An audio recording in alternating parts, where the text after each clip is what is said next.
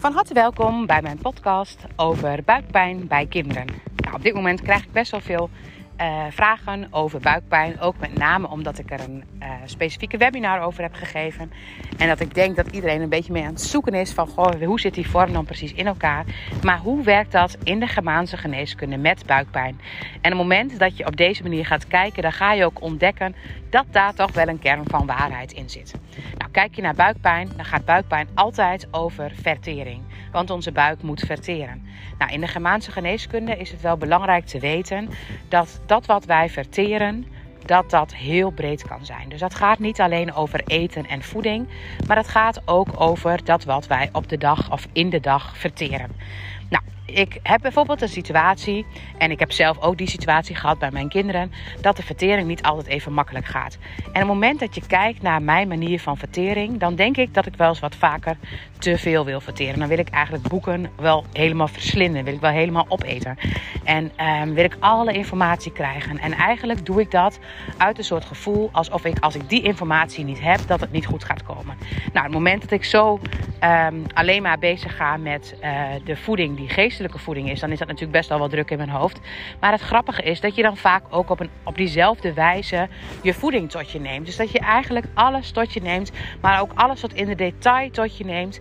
En als je het allemaal tot in de detail wil verteren en tot je wil nemen, dan hou je eigenlijk niks te poepen over. Zo moet je dat dan maar even zeggen. Maar wij mogen ook gewoon dingen uitscheiden. Eigenlijk mag in ons spijsverteringssysteem dingen mogen in je komen en mag je weer los gaan laten.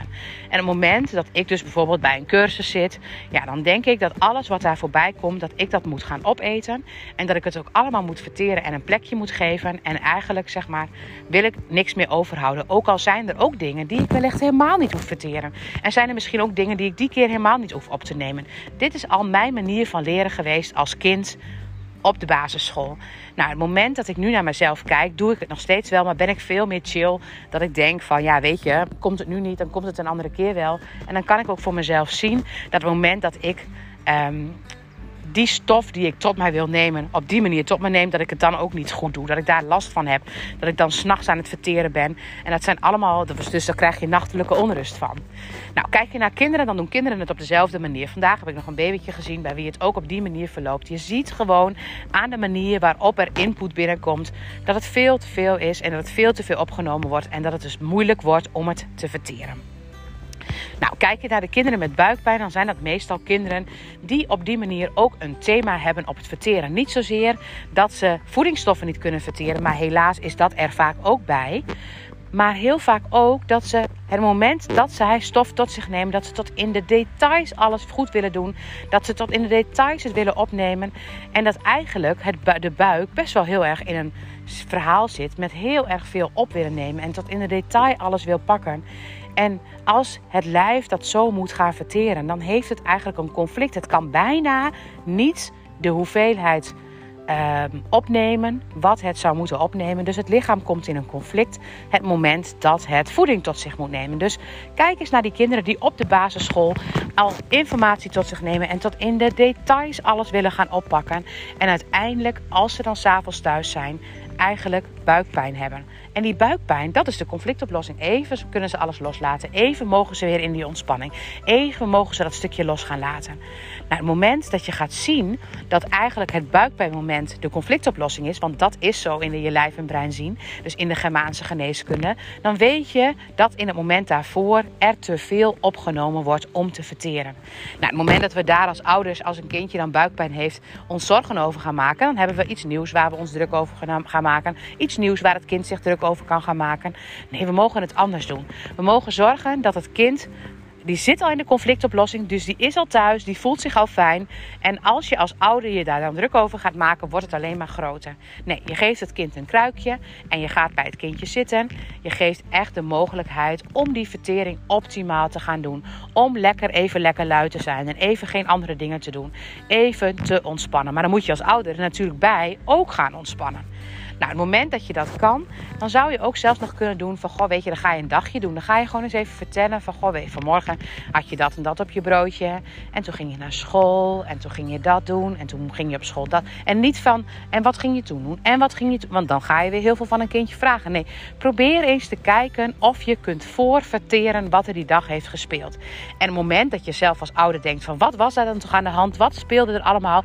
Wat maakte ervoor dat er nog meer buikpijn was? Dan maak je alleen maar meer een conflict. Want dan zorg je alleen maar voor meer dingen waar een kind mee over na moet gaan denken. Eigenlijk bedoel ik mee te zeggen, probeer dat wat voor een kind te veel is geweest voor te kouwen. Probeer het te helpen om het alvast in bepaalde plaatjes te hebben. En als ik bijvoorbeeld een dag veel te veel heb meegemaakt, dan ga ik die dag ga ik allemaal in me opnemen. En eigenlijk ga ik dan s'nachts de boel verteren. Maar op het moment dat ik eigenlijk het al op ga schrijven in een dagboekje. Of als ik het ga vertellen, dan ga ik het anders verteren. Dan ben ik al aan het voorkouwen. En dat stukje voorkouwen is eigenlijk een stukje meenemen in het verhaal. Nou, stel je voor, jouw kind heeft meer buikpijn. Nou, de laatste periode van het schooljaar, ook al hoeven ze misschien niet zoveel meer, Alleen al de juf moet nog heel veel afronden. En dit moet nog klaar en dat moet nog klaar. Wij als ouders, ik zelf ook. Het moment dat ik dan denk van, oh, die dag is juffendag. En dan moet dat en dat is dat. Dan moet ik ook al, heb ik ook meer moeite met verteren. En een kind voelt dat gewoon. Een kind voelt van zichzelf. Een kind voelt van de juf. Een kind voelt van de ouders. En al die extra verteringen die er op dit moment zijn, hoeven we een kind eigenlijk alleen maar mee te helpen. Zodat het meer in de ontspanning gaat komen. En als er dan nog iets op stapel staat, bijvoorbeeld we gaan op vakantie en we vinden het druk om dat voor te bereiden, of er komt nog iets anders bijzonders, iets nieuws, wat ook spannend kan zijn, probeer te zien dat je niet helemaal hoeft uit te vragen hoe je kind het beleeft. Voor je kind, die wil het heel graag verteren, dus die vindt het allemaal superleuk, maar is het allemaal nog veel? En hoe kun je je kind daarmee helpen door het allemaal wat makkelijker te maken? Nou, soms door gewoon een tekening te maken, of soms door gewoon een verhaaltje te vertellen erover, of soms om juist boekjes over dat thema te gaan pakken, zodat we het al een klein beetje gaan voorverteren. Alles wat je daarmee kan doen, dat helpt daarvoor. En wat ik dan in het lichaam altijd doe, is eigenlijk het lijf weer ontspannen, zodat de boel losgelaten kan worden. Zodat het eigenlijk, ik help even, geef even de vertering een setje, zodat we de achterstandjes weer bijwerken. En dat is wat ik in het lijf kan doen. En dat is wat ik open kan maken in het lijf. Maar het moment dat je kunt zien dat voeding voeding is en dat het in de breedste zin en dat je buikpijn krijgt als iets te veel is om te verwerken, als iets te veel is om te verteren. En het ene kind is daar gewoon anders in dan het andere kind. Sommige kinderen die verteren het en die poepen het ook vrolijk weer En sommige kinderen pakken tot op het laatste vezeltje alles er nog uit om daarvan te leren of om te ontwikkelen. Wat natuurlijk een prachtige eigenschap is, maar wat soms wel eens een beetje te veel is en wat ook echt helemaal niet nodig is. En het moment dat een kind dat meer kan ontspannen, meer kan loslaten, het moment dat je als ouder kunt zien van oké, Ehm, mijn kind heeft daar moeite mee en je daar niet zorgen over gaat maken dat je in die ontspanning kunt blijven, dan help je je kind op weg naar een hele goede vertering. En help je je kind ook op weg om al deze materie op een mooie manier tot zich te kunnen nemen. En dat is toch wel het allermooiste wat je een kind kunt meegeven.